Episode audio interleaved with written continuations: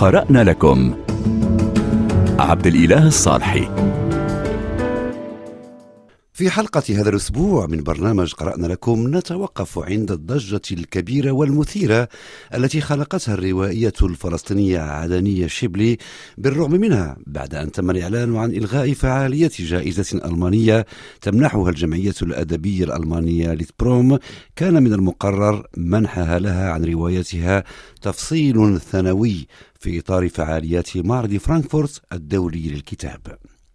الجمعية الأدبية الألمانية بررت هذا الإلغاء الذي اعتبرته لاحقا تأجيلا فقط بالهجوم الذي شنته حركة حماس الفلسطينية على إسرائيل في السابع من أكتوبر الماضي. وهذا ما أثار موجة كبيرة من الاحتجاج والاستهجان في الأوساط الأدبية العالمية أدت بالعديد من الكتاب والناشرين والمثقفين إلى مقاطعة المعرض الدولي الألماني.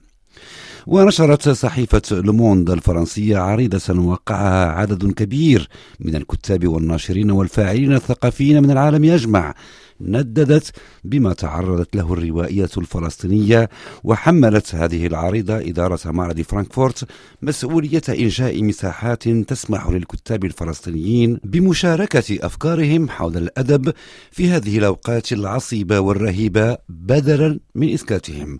وأضافت العريضة علينا أن نبحث عن طرق جديدة للكتابة والقول والتفكير والتعامل مع هذه الفترة المظلمة. ولهذا السبب نحتاج أكثر من أي وقت مضى إلى الكتاب ومن بينهم الكتاب الفلسطينيون.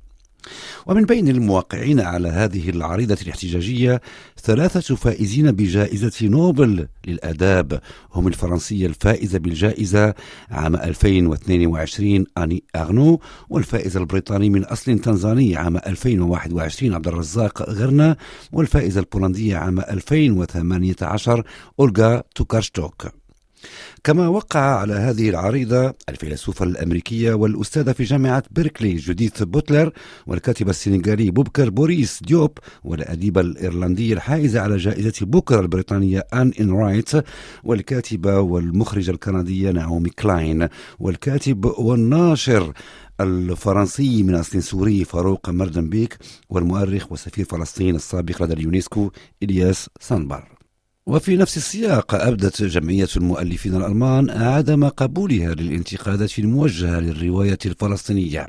وقالت إيفا ميناسه المتحدثة باسم نادي القلم في برلين لا يوجد كتاب يصبح مختلفا أفضل أو أسوأ أو أكثر خطورة بسبب تغير السياق الإخباري فإما أن يكون الكتاب مستحقا للجائزة أو لا يكون.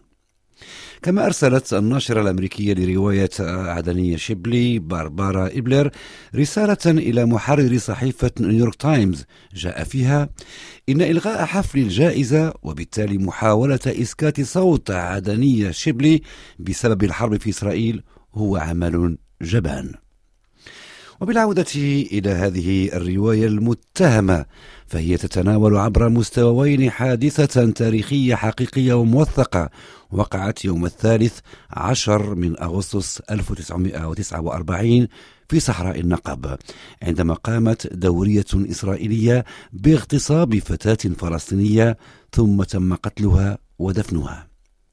أما المستوى الثاني فتحاول فيه الشخصية التي تسرد الرواية بعد مرور 25 عاما تقصي تفاصيل هذا الاغتصاب وفي النهاية يقتلها أحد الجنود الإسرائيليين.